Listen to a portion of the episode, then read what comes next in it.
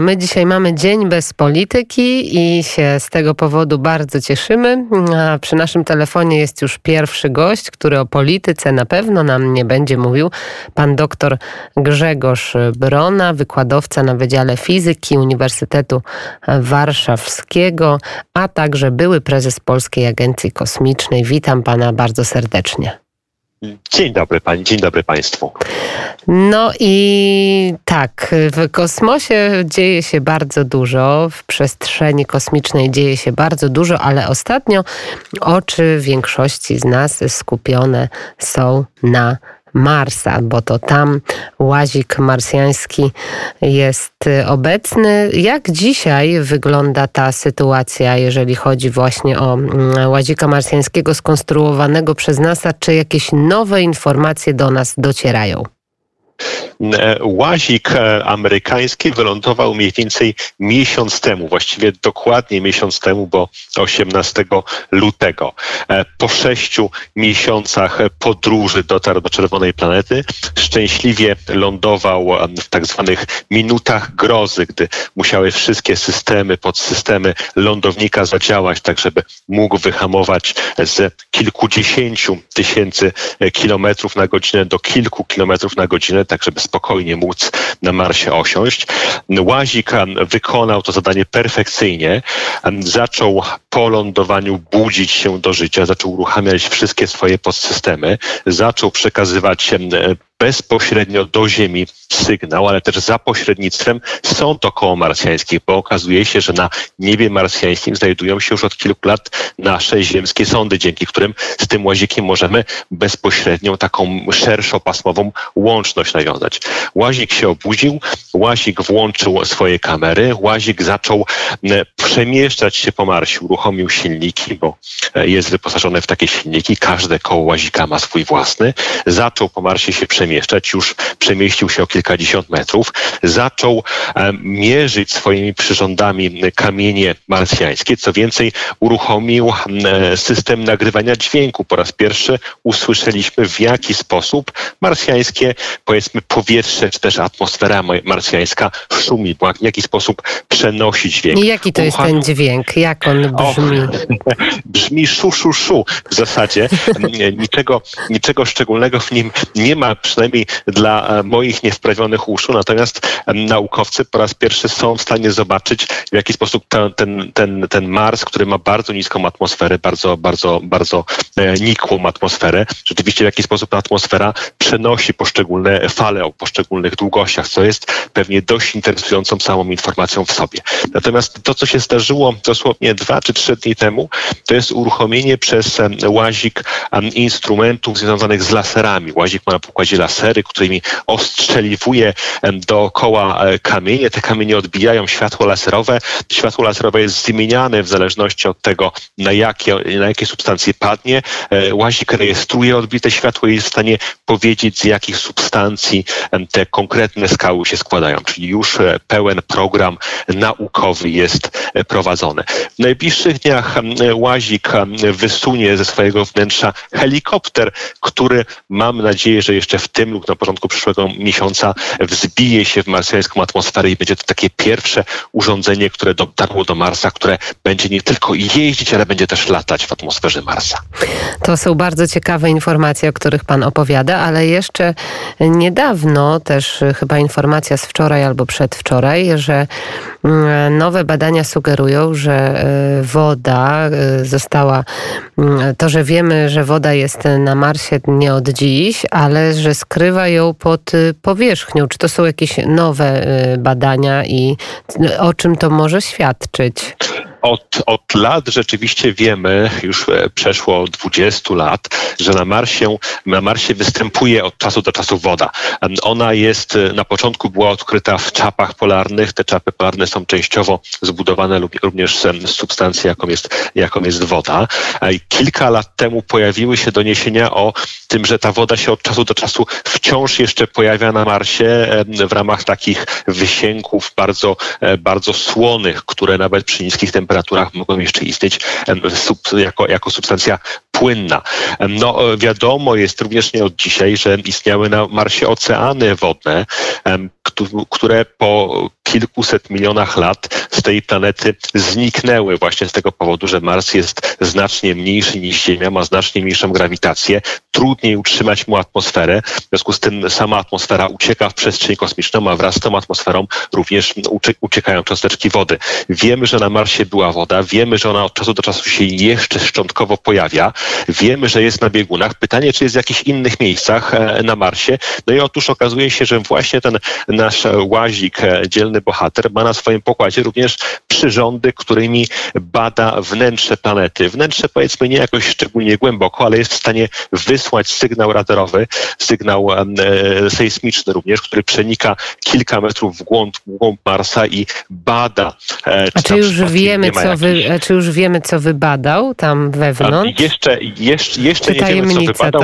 Jeszcze nie wiemy, co wybadał, bo mam wrażenie, że ten przyrząd jeszcze nie został mhm. w pełni uruchomiony. Natomiast no, taki jest cel, żeby sprawdzić, czy pod tym, pod powierzchnią Marsa są może jakieś wielkie e, lodowe skały. Tak, wielka, wielka zagadka, ale panie doktorze, jak wiemy, Mars jest e, najczęściej badaną e, planetą w Układzie Słonecznym. Najróżniejsze sondy indyjskie, amerykańskie, chińskie tam są zlokalizowane. Dlaczego Mars jest taki wyjątkowy? Dlaczego on jest taki atrakcyjny dla badaczy? No, Mars wydaje się takim pierwszym celem, do którego, oczywiście po Księżycu, do którego człowiek chciałby się udać już osobiście. No, Mars wydaje się najbardziej przyjazny. Drugą e, planetą, która się znajduje w okolicach Ziemi jest Wenus. No, na Wenus temperatury sięgają 450 stopni Celsjusza i pada trujący, bardzo mocno kwaśny e, deszcz na powierzchni. W związku z tym Mars wydaje się taką jedyną... A na Marsie jaka jest temperatura, panie doktorze?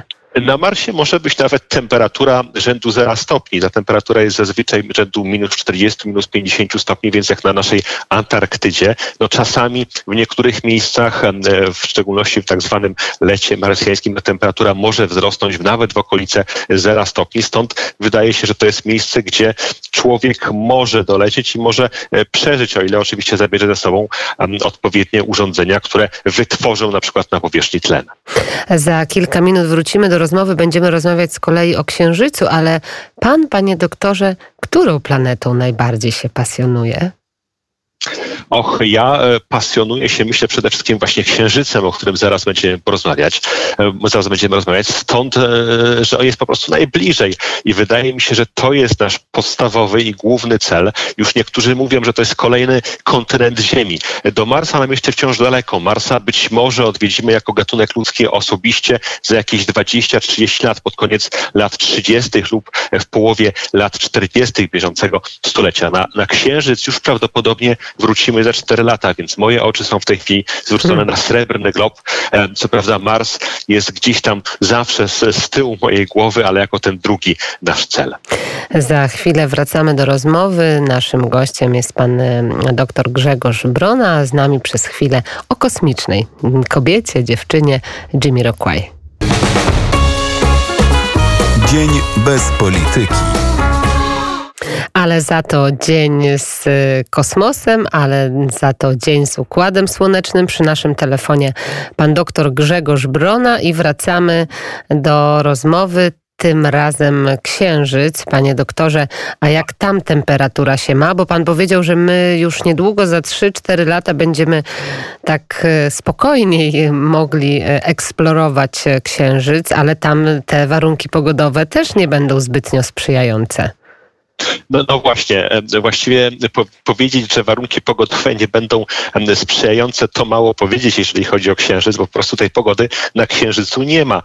Nie ma atmosfery. Na Marsie jeszcze ta atmosfera szczątkowa jest, w związku z tym można mówić o pogodzie. Z kolei na Księżycu nie ma atmosfery w ogóle.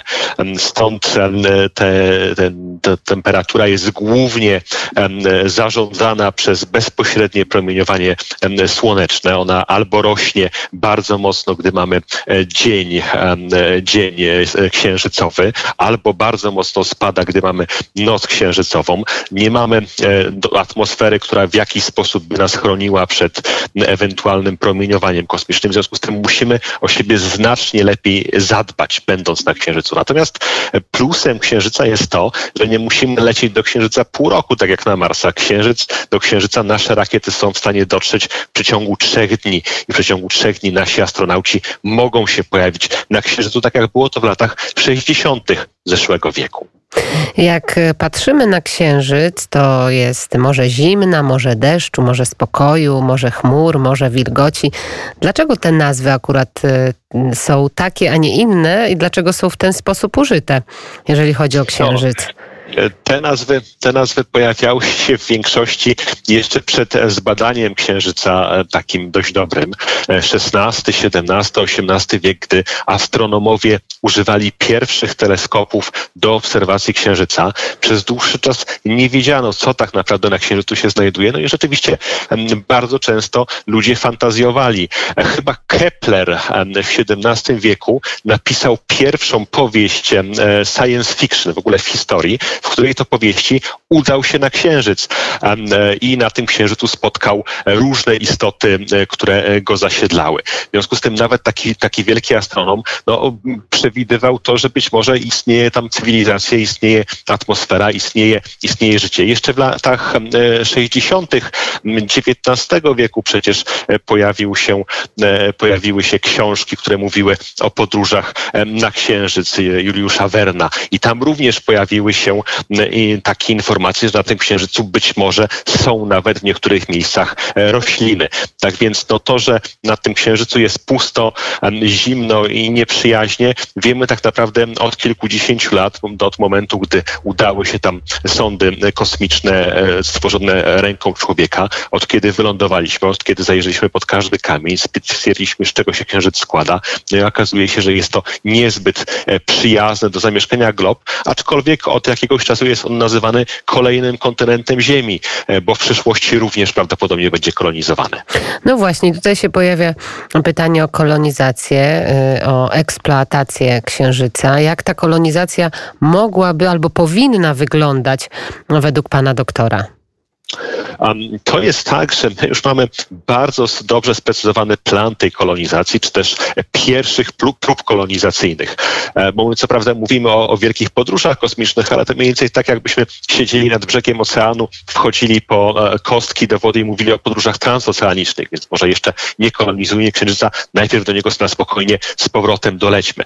Otóż w 2024, w latach kolejnych, uda się ta misja kosmiczna, uda się misja kosmiczna amerykańska z tak zwanego programu Artemida. W latach 60. był program Apollo, teraz jest program Artemida, to jest siostra Apolla e, z mitologii e, greckiej. Wszystko jest więc w związku z tym no, dość dobrze przemyślane, nawet te nazwy, a wraz z tą misją udadzą się Amerykanie, którzy nie wylądują najpierw na Księżycu, ale zasiedlą taką stację okołoksiężycową, która już w tej chwili jest budowana. W przyszłym roku zostaną jej pierwsze pierwsze części wyniesione w przestrzeń kosmiczną i będzie to kolejna stacja e, pozaziemska, podobnie jak Międzynarodowa Stacja e, Kosmiczna, która w tej chwili istnieje, ale taka stacja, która nie będzie na orbicie ziemskiej, tylko na orbicie księżycowej. E, dotrą do tej stacji, ta stacja będzie taką stacją przesiadkową, z której będą mogli wystartować lądownikiem, który jest w tej chwili również też przygotowywany na powierzchnię Księżyca.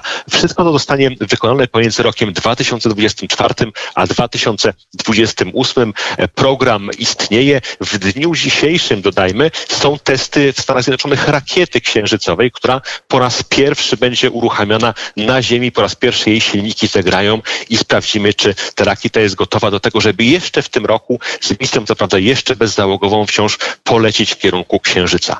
Plan jest, realizacja też idzie. No wydaje się, że przed latami 30 na ten Księżyc wrócimy i nie już jako odwiedzający, tylko jako gatunek, który no, w przyszłości ten Księżyc zasiedli.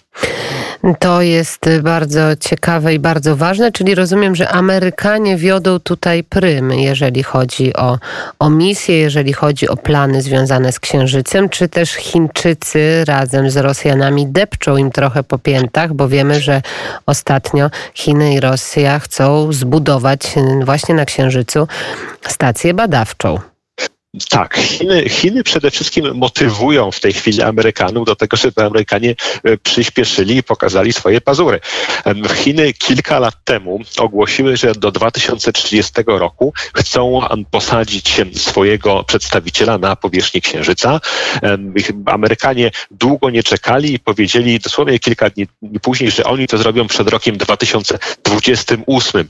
Widać więc, że taka rywalizacja, no, która jest pewnie w tym wypadku przypadku dość zdrowa, no, przynosi e, pewne efekty. Chiny rzeczywiście mają dość zaawansowany program księżycowy. Co prawda są jeszcze e, kilkanaście czy kilkadziesiąt lat nawet ze Stanami Zjednoczonymi, ale bardzo szybko gonią.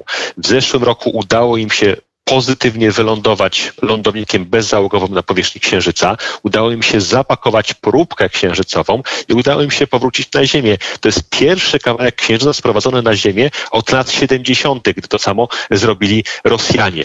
Widać więc, że Chińczycy nie próżnują i, i dość szybko się rozwijają. I, I na koniec, panie doktorze, jak w tym wszystkim odnajduje się e, Elon Musk, e, który się ostatnio chyba sam, e, sam się chyba nazwał techno e, królem. Jak on się w całym wyścigu kosmicznym i z jego firmą oczywiście SpaceX odnajduje?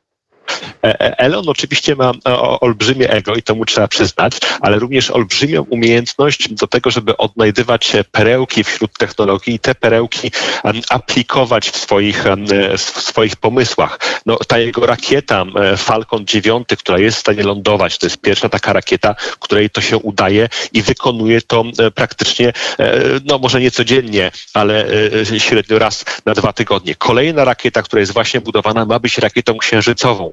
No, ona jest w tej chwili testowana w Stanach Zjednoczonych przez Elona. On, co prawda te testy z różnym powodzeniem e, się odbywają, natomiast widać, że Elon praktycznie co miesiąc poddaje rakietę kolejnym testom i idzie bardzo mocno do przodu. Twierdzi, że jeszcze w tym roku lub na początku przyszłego roku rakieta poleci w przestrzeń kosmiczną, a w roku 2023 roku, w 2023 poleci pierwszy turysta na misję około no To bardzo ambitny plan, prawda?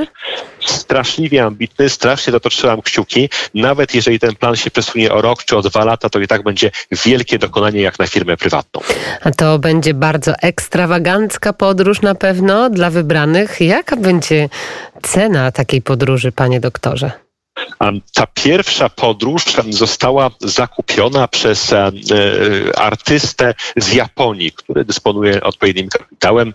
E, stwierdził, że zaryzykuje i, i zarezerwuje miejsce. Co więcej, zarezerwował miejsce dla kilku innych astronautów. I w tej chwili trwa wielki światowy konkurs, żeby się przyłączyć do tej misji. Bodajże sześciu astronautów jest wybieranych drogą konkursową e, i mają oni szansę udać się w 2023, mam nadzieję, na bezpieczną podróż dookoła Księżyca. Również Polacy się do tego konkursu zgłaszali. Zamknął się ten konkurs chyba tydzień e, temu. W tej chwili trwa selekcja kandydatów. Zgłosiło się ponad pół miliona ludzi chętnych odbyć taką podróż. 500 tysięcy osób chętnych polecieć razem z Elonem Maskiem. No to są miliony dolarów, prawda, panie doktorze? To są nawet dziesiątki czy nawet setki milionów dolarów. Takie misje na Międzynarodową Stację Kosmiczną, które do tej pory się odbywały, e, dla turystów kosztowały mniej więcej 50 milionów dolarów za dwutygodniowy turnus na Międzynarodowej Stacji Kosmicznej. Oczywiście te, te, te ceny będą maleć, jeśli chodzi o niską orbitę okołoziemską, bo firm jest coraz więcej, które coś takiego oferują. Jest chociażby Blue Origin, z, z pana Bezu, założyciela Amazona, czy firma Virgin, innego multimiliardera Bransona, które do czegoś takiego się przygotowują. Natomiast same misje okołoksiężycowe dla turystów wciąż jeszcze będą kosztowały dziesiątki, jeśli nie setki milionów dolarów. Bardzo dziękuję za rozmowę. Pan doktor Grzegorz Brona, wykładowca na Wydziale Fizyki Uniwersytetu Warszawskiego, a także były prezes Polskiej Agencji Kosmicznej, a dzisiaj prezes spółki właściwie, właściwie dyrektor. Dyrektor. A jak ta spółka się nazywa? Ta, ta spółka się nazywa Creotech Instruments. Robimy systemy kosmiczne, systemy dla satelitów, a w 2023 roku, w tym roku, w którym Elon Musk leci ze swoją misją, e, wypuszczamy pierwszego całkiem sporego satelitę, e, który będzie obserwował powierzchnię Ziemi. E, o tym porozmawiamy w następnej rozmowie. Bardzo dziękuję. Dr Grzegorz Brona był gościem popołudnia wnet. Dziękuję bardzo.